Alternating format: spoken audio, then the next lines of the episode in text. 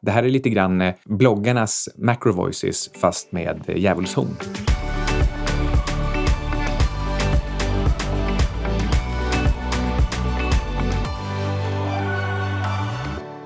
Hej Carl Mikael Syding. Hej Anna! Svan. Förtjänar inte jag ett efternamn eller? Jo, hej Anna Svan. Nu är vi igång. Ja, tack. Förra veckan så uh, uppmärksammade Brummy News min uh, lilla tillgång allokeringsstrategi och gjorde en intervju med mig. Är du köpt? Uh, nej. nej, det är jag inte. I wish. så vi snackade i alla fall lite om mina råvaruinvesteringar och jag vill gärna betona investeringar. Och det blev lite um, dålig stämning där ett tag. Det var någon som eh, sa till mig att eh, man inte kan investera i råvaror. Är det inte väldigt barnsligt att märka ord på det där sättet? Man kan ju uppenbarligen köpa råvaror och tjäna pengar på det. Men varför måste någon då säga ja, du får inte använda ordet investera, för då blir jag lite kissnödig? alltså för det första var jag en investeringsfascist och, det, och, och, problemet är att just begreppet investeringar har blivit förknippat med prestige och det är många som har börjat blanda ihop det här med eh, tillväxt i bolag. Men eh, investeringar, om man slår upp det precis överallt så står det att investeringar är när du oftast delar det kapital, men det kan också vara tid eller andra resurser. Du puttar in det här i någon typ av eh, projekt eller eh, tillgång och då står det till exempel aktier eller guld. Så att råvaror är alltså inkluderade som exempel. Och sen förväntar du dig en framtida vinst. Det är, många, det är många som väljer att skilja på spekulation och investering och det är korrekt för alla spekulationer är absolut inte investeringar. Men Däremot så den breda definitionen av investeringar innefattar faktiskt spekulation. Nu är det fortfarande inte spekulation jag gör med eh, mina råvaruinvesteringar för det finns en grundläggande värdegrund i varför jag investerar. Jag har alltså gjort en typ av fundamental analys som bygger på mycket, mycket mer än bara att det ser positivt ut eh, rent eh, tekniskt. När jag går till gymmet, spekulerar jag i att jag ska bli starkare då? Nej, där investerar du ju tid för att bygga dina muskler, eller hur? Tulpanbubblan då? Var det investeringar? Vad har du gjort nu? Alltså ett av mina eh, investmentbolag, Polskenet, de har precis investerat i Sveriges största tulpanodlare. Jag höll på att dö av garv när du berättade det här för mig igår. Den här tulpanodlaren har faktiskt också patent på en, en särskild fin tulpan som påminner lite grann om den här ifrån Tulpanbubblan-filmen. Och vilket år är det? Ja, nu är det 2018. Men du var ju med under senaste tulpanbubblan, eller? För typ så gammal är du. Jag vill inte prata om det. En kompis åt upp min tulpan. Ja, okej. Okay. Så investering i tulpan. Ja, det är inte, så jävla... inte tulpanbubbleinvestering, för det är en investering mm -hmm. i tulpaner. Mm -hmm. Låter inte det ändå lite vettigare än att investera i någon typ av surfbräda med motor? Nej, inte 2018 tycker jag inte.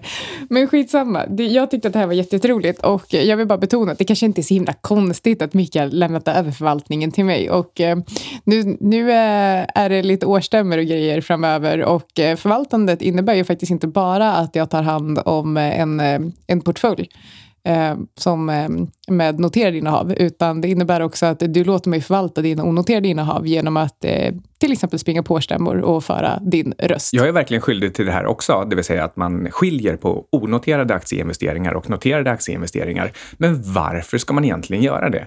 Det är lite konstigt och därför är det ju verkligen inte det minsta konstigt att du som förvaltar mina pengar förvaltar även de här bolagen som bara råkar vara icke-publika. Exakt, för jag har ju faktiskt en helt annan typ av insyn i i dina investeringar just eftersom att det är min strategi då. Då kanske det är bra om jag får helt enkelt utrymme att göra mitt jobb. Så jag tycker att det ska bli skitkul. Och Eh, du tycker att det ska bli asskönt att slippa gå på de här stämmorna. Och kanske kan du få lite extra inspiration till dina egna investeringar. Ja, men absolut. Och, eh, ja, nej, så jag ser verkligen fram emot eh, det här. Jag har mycket tankar och idéer som jag skulle vilja ha svar på och det känns otroligt kul att ha, ha det förtroendet från Micke faktiskt. Men det är på tal om inspiration som du nämnde innan, är det faktiskt exakt det vi ska prata om idag. För att eh, vi pratade ju förra veckan om att Eh, om det här med eh, förvaltningsavgifter och fonder och att när vi säger att man visst kan betala en förvaltningsavgift, inte nödvändigtvis bara pratar om långvariga aktiefonder och att man ska sluta jämföra äpplen och päron. Och då sa vi att olika perioder i en börscykel kräver också olika strategier, det kräver olika tankar, det kräver liksom olika idéer. Och då måste man också vara öppen för att ta emot nya idéer. Så idag ska vi eh, prata lite om hur vi, kan, hur vi hittar inspiration till våra investeringar. Både i form av investerare som vi ser upp till och eh, informationssajter, alltså nyhetssidor, bloggar, nyhetsbrev, podcasts och så vidare. Vi kommer framförallt eh, lyfta våra bästa poddar när det kommer till investeringar. Så eh, Micke, varför är det viktigt att prata om det här? Jag tycker att filosofi och psykologi är de två viktigaste sakerna att ha med sig när man investerar. Det här med att eh, kunna ekonomi eller, eller makro eller bokföring eller vara duktig på matematik eller statistik eller Excel. Det kan väl vara lite trevligt också. Det kan vara ett litet bra hjälpmedel, men det kan man annars också få hjälp med. Det svåraste, det är att, att behärska sig själv när man hamnar i, i problem eller när man står inför just eh, alternativa beslutssituationer. Och just det här tycker jag att man får absolut bäst hjälp av att eh, läsa insiktsfulla böcker och bloggar, förstås träffa personer och prata med också och inte minst utsätta sig för eh, själva situationerna i sig. Däremot så tycker jag inte att eh, den mesta finans-tv som kan få representeras av CNBC till exempel är, är det minsta bra. Det är, det är bara brus. Jag vill dra en liknelse här. Jag målar ju en hel del på fritiden och nu skulle inte jag vilja påstå att jag är speciellt duktig tekniskt, men jag tycker att det är ganska kul. Och om man tittar då på konstnärer, det finns ju de som är jätteduktiga rent tekniskt. De vet exakt eh, vilka verktyg de ska använda på vilket sätt. Men om de inte har någon inspiration då kan de fortfarande inte måla någonting. Du måste se investeringar på precis samma sätt. Se din portfölj som en blank duk. Om inte du har någon inspiration eller tar in hur ser trenderna ut just nu, hur ser omvärlden ut just nu, vad vill människor ha? Då kan du faktiskt inte måla, alltså investera på rätt sätt. Så även om du rent tekniskt är skitduktig på att analysera bolag så måste du också veta vad du ska analysera i vilket läge, eller hur? Inte minst så tycker jag också att det här handlar om eh, ödmjukhet och att ta in så många olika perspektiv som möjligt. Och det betyder att bland annat ta in perspektiv från eh, förvaltare som det går dåligt för eller investerare som tycker annorlunda än du själv. Ja, och man pratar ju faktiskt ofta om att eh, det vanligaste jag får höra när jag pratar om till exempel hedgefonder eller fonder som det har gått bra för som tar ut en avgift är att historisk avkastning inte säger någonting om framtiden. Eh, och eh, så då gäller ju faktiskt det dig som småsparare också, förmodligen ännu, ännu mer. För då har du förmodligen haft eh, ja, men kanske tur liksom, med dina investeringar. När man säger att historisk avkastning inte är någon garanti för framtida avkastning, den friskrivningen, det är ju bara någonting som myndigheterna har tvingat på en för att vanligt folk har lite svårt att ta till sig detaljerna bakom. För egentligen så är det förstås så att det här uttalandet, det betyder exakt motsatsen. Det betyder att historisk avkastning, det är visserligen inte en garanti, men det är en bra indikation. Kan man dra någon liknelse till Lindy-effekt där? Om du haft en förvaltare som har presterat skitbra i 20 år, då skulle man kunna anta att eh, de 20 kommande åren också potentiellt skulle kunna vara ganska bra. Det är alltså... nog precis därför man alltid drar upp, drar upp Warren Buffett, men aldrig drar upp någon som haft ett bra år. En, en annan grej här, det är till exempel om, om vi tittar på enstaka bolag. Är 10 eller 20 eller 30 års bra avkastning i ett bolag, är det en fingervisning om framtida god avkastning? Ja, det är det nog. Men självklart så kan man inte bara se att H&M har gått bra i 10 år, därför ska jag köpa det. Man måste göra en djupare analys. Eller för den skull säga H&M har gått ner i tre år, därför ska man sälja den. Det är liksom inte riktigt så det funkar. Nej, precis, utan eh, du måste ju bygga in det här som en av alla jättemånga parametrar i din analys. Det kan till exempel vara så för vissa bolag presterar ju faktiskt eh, helt, helt okej okay, och lite bättre än förväntan och sådär. Men aktiekursen fortsätter ner för, för att det är en negativ trend till exempel. Och, eh, och då spelar det liksom ingen roll hur attraktivt bolagsläget ser ut för dig som investerare om det tekniskt absolut inte, inte har sett bra ut de senaste åren. Men det är kanske är lite överkurs. Jag tänkte det är faktiskt inte alls det vi ska prata om idag. Men vi förstår nu alltså varför det är viktigt att hämta inspiration från andra. För att omvärlden förändras och då behöver du faktiskt ändra din strategi med den för att kunna hänga med och kunna fortsätta konkurrera och fortsätta vara konkurrenskraftig och fortsätta ha en uppdaterad strategi. För att bara för att dina idéer har fungerat de senaste fem åren eller tre åren eller kanske ett åren så betyder inte det att de kommer göra det nu. Och framför allt när vi faktiskt vet att vi står inför ett skifte. Och nu pratar jag faktiskt inte alls bara om att vi eh, står inför en potentiell börsnedgång utan vi vet att vi kommer se mer algohandel. Vi har mer high frequency trading överlag så att marknaden kommer förändras på ett eller annat sätt. Och då måste du hänga med. Och det är också därför det är så viktigt att inte välja förebilder eller inspirationskällor bara för att det har gått bra, utan man behöver göra en analys av var besluten bra och vilka principer dolde sig bakom de här besluten och sen kunna använda de tidlösa principerna för sina egna beslut framåt i vad som kommer visa sig i en annorlunda och föränderlig värld. För det är principen som är viktiga, inte gamla resultat eller, eller gamla beslut. Jag tycker ett, ett viktigt exempel det är till exempel John Hussman som väldigt många extremt duktiga förvaltare har väldigt hög respekt för. Han, är, han har en fantastisk, eh, ett fantastiskt perspektiv på marknader, på ekonomi, på värdering. Men han har haft eh, dålig avkastning de senaste åren. Han själv är oerhört tydlig med varför avkastningen har varit dålig, på vilket sätt besluten har blivit felaktiga, men det är också väldigt tydligt på vilket sätt hans angreppssätt är sunt. Och då blir John Hussman en oerhört viktig och, eh, och bra inspirationskälla, trots att det har gått dåligt i några år. Där kan vi ju snacka om ödmjukhet också, eh, men också att han faktiskt har gjort så pass gedigna analyser att han står fast vid de beslut som han har tagit. Jag skulle också vilja koppla det här till en annan av våra stora förebilder, nämligen Howard Marks, som pratar om, han pratar dels om utvärdering om alla beslut, men framförallt så pratar han om att eh, att eh, när du gör en analys och när du ska ta ett beslut, då ska du, ska du måla upp alla troliga, sannolika, inte, eller inte, inte bara sannolika, men alla olika utfall, både de som är sannolika och de som är osannolika, för att du sen ska kunna göra ytterligare en riskanalys. Är det värt att ta den här risken? För även om det kanske bara är eh, jag vet inte, 10 eller 1 procents chans att eh, något riktigt dåligt händer, så finns det fortfarande den, eh, den risken.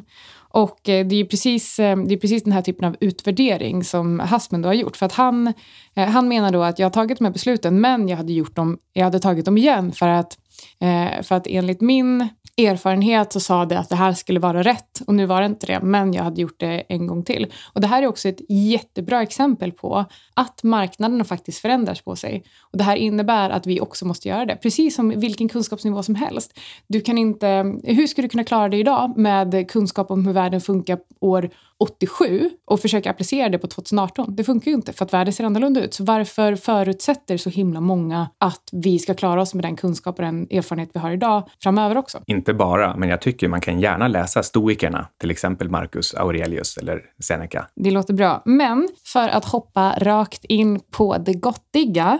Jag tänkte att vi skulle snacka lite om, eh, om våra favorit eh, newsfeeds, skulle man kunna säga. Men vi börjar med podcasts.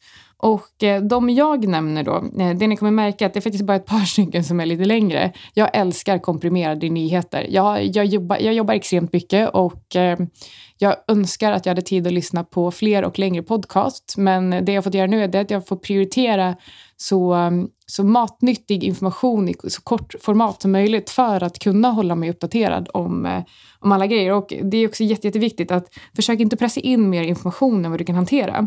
Men eh, när det kommer till podcasts så mina huvudpoddar som jag alltid lyssnar på är Macro Voices med eh, Eric Townsend och Patrick Sresna. De är i alla fall cirka en timme långa, men det är liksom om jag är på gymmet så är det mina gymavsnitt.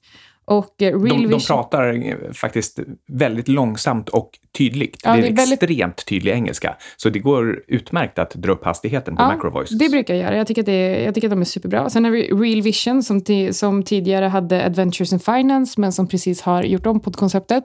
Jag föredrog det gamla konceptet men de har faktiskt inte varit igång så himla länge med det nya så att jag vill inte avfärda dem än. Men jag skulle säga att det nya konceptet är kortare och på en lite lägre eh, nivå. Men, helt, helt, klart, det är lite av en massmarknadsprodukt. De vill ja. ha fler lyssnare. Men det är för att de håller på att försöka göra om media i grunden, hela Real Vision. Exakt, och det uppskattar jag. Eh, men eh, om man tittar på deras gamla avsnitt i Adventures in Finance så det, finns det jättemycket sjukt bra intervjuavsnitt. Pippa Malmgren till exempel och eh, framför allt deras temaavsnitt om guld. Jag lyfte här innan, men då intervjuade de alltså flera experter och frågade om vad de tror om guldet eh, framgent. Och några lyfter silver, några pratar om eh, bitcoin och, och hur de kopplar det till guld och så vidare. Så det avsnittet tycker jag, jag har lyssnat på det ett par, tre gånger. Jag tycker att det är fantastiskt bra. Eh, jag älskar också Commodity Spotlight av S&P och det här kanske inte förvånar så himla många, men det är, det är avsnitt som är typ mellan 7, 7 till 14 minuter långa och släpps lite ad hoc. Och eh, där eh, lyfter de egentligen viktiga händelser och eh, analyser av eh, råvarumarknaden. Och eh, då är det framför allt enskilda råvarucase. Eh, mycket fokus på industrimetaller eh, i den podden, men jag tycker att det är, men även lite spannmål. Jag tycker att de, den är superbra. Det är ett bra sätt för mig att eh, alltid hålla mig ajour om det är något viktigt som händer, så att jag faktiskt inte missar det, jag som älskar älskar råvaror. Sen lyssnar jag på What's News med Wall Street Journal varje dag. Och de brukar släppa ett till två avsnitt om dagen och de är också mellan så här fem till elva minuter långa. Och då får man en sammanfattning om eh, det viktigaste som har hänt det senaste dygnet egentligen. Och eh, det är också ett bra sätt för mig att eh, hålla mig ajour på, på makro. Sen eh, också EFN Börslunch Eh, dels för att jag tycker att det är ett skitbra koncept och man kanske ska hålla sig uppdaterad kring Sverige också. För att som ni märker så lyssnar jag egentligen bara på engelska podcasts annars. Men, eh, men jag tycker att det är ett eh, asbra koncept och eh, sen så är det kul liksom också att lyssna på alla branschkollegor som är med i avsnitten och jag tycker att eh, både Gabriel, Matilda och Jesper som är programledare, jag tycker att de är magiska. Så att, eh, nej, men eh, gillar Börslunch också. De har ju, kör ju också Makromorgon och så vidare. Eh, så ja, vad, vad lyssnar du på? Tänkte bara hålla med om EFN Börslunch. Det, är, det kanske är lite snuttifierat och sådär, men eh, om man vill vara uppdaterad på Sverige, om man faktiskt eh, är en person som handlar ofta, då ser man till att man inte missar någonting. Nej, de är faktiskt extremt duktiga på att plocka upp saker väldigt, väldigt snabbt. Och eh, som jag sa innan, jag älskar komprimerade nyheter. Och en kvart om dagen det har till och med jag. Men däremot så tycker jag att det är viktigt att påpeka att oavsett om det är EFN eller Börspodden eller Fill or Kill så, så ska man aldrig ta det som eh, är förtäckta aktieråd bara rakt av. Att det här är billigt eller det här är dyrt, köp eller sälj. Utan det är alltid bara input till vidare analys. Exakt, så uh, gör inte som folk säger utan utgå från att du inte vet någonting och läs på för att fatta egna beslut. Men Micke, du um jag önskar ju att jag hade tid att lyssna på alla dina poddar, men du lyssnar på lite längre poddar eftersom att du tränar mycket och ofta. Och går ut med hunden. Så till exempel så lyssnar jag på Super Investors, jag lyssnar på Masters in Business och Invest Like the Best. Alla de här liknar Adventures in Finance och Macro Voices. Så jag tycker ju att ska man bara lyssna på en enda och bara prenumerera på ett enda nyhetsbrev, då blir det Macro Voices. För i nyhetsbrevet så får du massa länkar till alla andra nyhetsbrev och till analyser som gästerna har gjort. Och Macro Voices är både en uppdatering på dagsläget i en eh, fem, sex viktiga makrofaktorer och djuplodande intervjuer med fantastiska investerargäster. Så du tycker alltså att jag är helt rätt ute när jag har valt ut eh, en, två av de här? Fast nu när Adventures in Finance faktiskt inte eh, alltså har gjort om sitt eh, koncept så kanske jag skulle byta ut Real Vision mot eh, vilken av de här andra tre? Tycker du Super Investors, Invest Like the Best eller Masters in Business är eh, är det bästa? Ja, in, invest like the best eller super investors. Mm, jag blir lite osäker mellan dem, men, men super investors kanske. Och sen, och sen vill jag också lägga till en till, en, en svensk för ovanlighetens skull. Konsensus med Dea, Tristan och, och Ludvig där de pratar eh, krypto i största allmänhet. Ja, så det här är ju faktiskt ett eh, riktigt, riktigt bra tips till er som är intresserade av, eh, av kryptovalutor. Vet du varför det heter konsensus? Tell me. Det är så man fattar beslut i kryptovärlden. Man måste ju rösta utifrån antingen hur mycket krypto man har eller hur mycket datorkraft man har. Ja, så det blir det konsensusbeslut. Blir det konsensusbeslut. Men eh, vi, vi har fokuserat en hel del på poddar, men jag tänkte att vi skulle eh, dra lite snabbt böcker och, eh, och nyhetssajter. Jag älskar Zero Hedge. Jag tycker alltså dels, så det är inte en person som skriver det här, det är massor, de samlar massa bra information. Jag tycker att det är roligt skrivet, så det blir extremt underhållande. Så det känns inte som att, nu tycker jag i och för sig finans är askul, men eh, jag tycker att det är, är riktigt, riktigt kul att eh, dra fram telefonen på kvällarna och läsa igenom ett par artiklar. Och jag ligger ofta och fnissar bredvid dig när jag läser det här. Måste man berätta att Zero Hedge har en medvetet negativ hållning? Lite så som vi ibland har för att utgöra en motpol mot alla Pollyannas. Ja, men det kanske, kanske är bra att nämna det. Men så länge man har förstått att man inte ska ta någonting at face value så, så är Zero Hedge ett utmärkt exempel för att få med sig allt som händer. För de kommenterar precis allt och som sagt på ett roligt sätt. Men de hittar nästan alltid en negativ spin. Men de, jag tycker också att de är extremt duktiga på att eh, även om det är en negativ spin så hittar de också andra perspektiv än vad andra säger. Eh, plus att de går, eh, de går lite in, inte jättemycket på djupet, men lite grann vilket jag uppskattar. Sen så finns det alltid så himla mycket roliga och härliga grafer där inne. Dessutom så får man länkar till precis allting annat också. Så vill man så kan man säga att det här är lite grann eh, bloggarnas macro voices fast med djävulshorn. Det tycker jag var en ganska bra beskrivning. Jag älskar också, innan vi går vidare på de andra, En Gold We Trust som släpps en gång per år. Och nu är ju precis den senaste släppts. Eh, fantastiskt bra och för alla som är intresserade av guld och för er som inte är det, läs läs, den rapporten ändå, för att det är nog typ det absolut bästa som skrivs om ämnet varje år. Den är lättläst och, eh, luftig och mycket grafer. Eh, väldigt intressant. Och den släpps bara en gång per år, va? Ja, exakt. Så nu var det var typ 272 sidor. Som 230 kom. tror jag. Ah, liksom. okay. eh, men, men det finns en kortversion på 45 sidor som man faktiskt eh, läser igenom på halv, en halvtimme kanske. Ja, och den här är helt gratis eh, att ladda ner. Så googla på In Gold We Trust. Jag tror det är Incrementum som eh, producerar de här. Som sagt, helt fantastiskt. Och de är också faktiskt med i det här Adventures in Finance guld, tema guld-avsnittet, är de jag kommenterar. Så, men ja, vilka, vilka nyhetsbrev och sajter och sådär tycker du är viktiga att lyfta? Till exempel eh, Memos from the Chairman. Det är Oak Tree, Howard Marks, som, eh, som släpper den.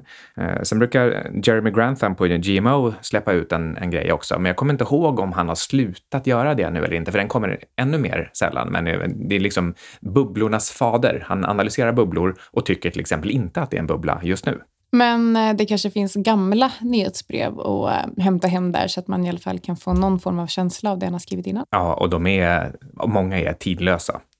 Men jag skulle ändå vilja lyfta fram eh, att inte bara läsa saker och ting som är uttryckligen finans eller ekonomi världen är teknologi och ju längre fram i tiden vi kommer, desto mer teknologi är den. Så jag tycker att man ska göra sig själv en tjänst och koppla upp sig på ett antal teknik och singularitetsställen.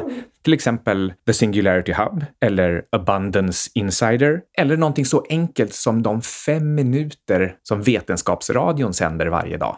Det här är också ett exempel på att du väljer att ta in andra och lite eh, ja, men perspektiv som, eh, som inte är direkt kopplade till ämnet för att se om du kan applicera det på dina investeringar. Det är lite det här som har gjort att jag har fastnat i råvaruträsket, höll jag på att säga. Eh, men att jag har varit väldigt, väldigt öppen för eh, andra perspektiv och andra idéer, vilket har gjort att istället för att bara acceptera gamla sanningar som att aktiemarknaden alltid är det som presterar bäst i alla lägen och det är det enda man ska äga, så har jag valt att ja, men, hitta nya perspektiv, vilket har gjort att jag byggt en egen strategi som... Ja, skitsamma, vi kan prata om den en annan men, gång. Men till exempel, om man inte är påkopplad och får nyheter varje månad om hur eh, batteriteknik utvecklas, hur ska man då kunna göra en vettig bedömning av huruvida Tesla ligger före eller efter? Sant. Och nu slog det mig också, kommer du ihåg när vi gjorde den här intervjun med Halebop Hallebop och eh, du pratade om just eh, mobiltelefoniutvecklingen och då var det en eh, i publiken som sa hur menar du att de skulle kunna bli mer moderna än vad de är idag? Och då sa du, ja men som ett chip i huvudet till exempel, eller en lins i ögat. Och då tyckte hon att vi var riktigt knäppa i huvudet, men hon kan ju inte ha läst någon form av liksom techbrev alls. Nej. Um, jag är ledsen tjejer, det är bara artister som kommer in här. Det, det var de sa när de här killarna som, eh, som sjunger Hail bop, bop, bop, bop, hail bop. Ja, men ska vi försöka sammanfatta det här på något sätt? Olika perioder i en cykel kräver olika strategier. Och eh, nu är det säkert många som säger ja, men man ska inte försöka tajma marknaden och så vidare. Indexfonder är alltid bäst. Men ni som lyssnar på den här podden, ni är ju faktiskt aktiva investerare. Och då måste ni faktiskt vara det, alltså aktiva. Och eh, ta aktiva beslut som är så bra som möjligt för er portfölj. För det är ju faktiskt också därför som att ni lyssnar på vår podd, för att ta in våra perspektiv och tankar. Och eh, vi har alltså lyft våra bästa podcast, lite nyhetsbrev, sajter som eh, vi läser och lyssnar på för att ge oss nya perspektiv. Och ehm, eh, att, eh, att investera och göra det aktivt innebär alltså att du måste hålla dig ajour om vad som händer, varför det händer och hur du kan använda den informationen för att positionera dig på bästa sätt. Och vi har med länkar till alla breven, eh, allting vi har pratat om, alla böcker och sammanfattningar av dem i vårt nyhetsbrev. Ja, ska vi börja släppa ett nyhetsbrev nu? Nej, jag bara tänkte att folk skulle börja försöka leta efter vårt nyhetsbrev. vi, har, vi har ett nyhetsbrev, fast vi har inte skrivit någonting om det. Vi har inga e-mailadresser heller. Jo, det har vi. Ja, det har vi. Men vi har inte skickat ut något. Men sydingsvan.com Eh, där eh, kan vi börja publicera grejer. Vi har inte gjort det sedan typ avsnitt nummer två. Men däremot så har vi också skaffat eh, en Instagram som heter Syddingsvan. Eh, där vi tänkte publicera lite visdom från eh, från våra avsnitt. Ah, men okej, vi kommer inte sammanfatta allt, men eh, kanske några strategiska länkar. Det låter bra. Men tack Ture Masing, Micke Kyding, för att du har suttit här med mig en vecka till. Och eh, tack Hanson, nej, Anna Svan. Ni har lyssnat på... Jag glömde bort. Outsiders. Med Siri och Svan.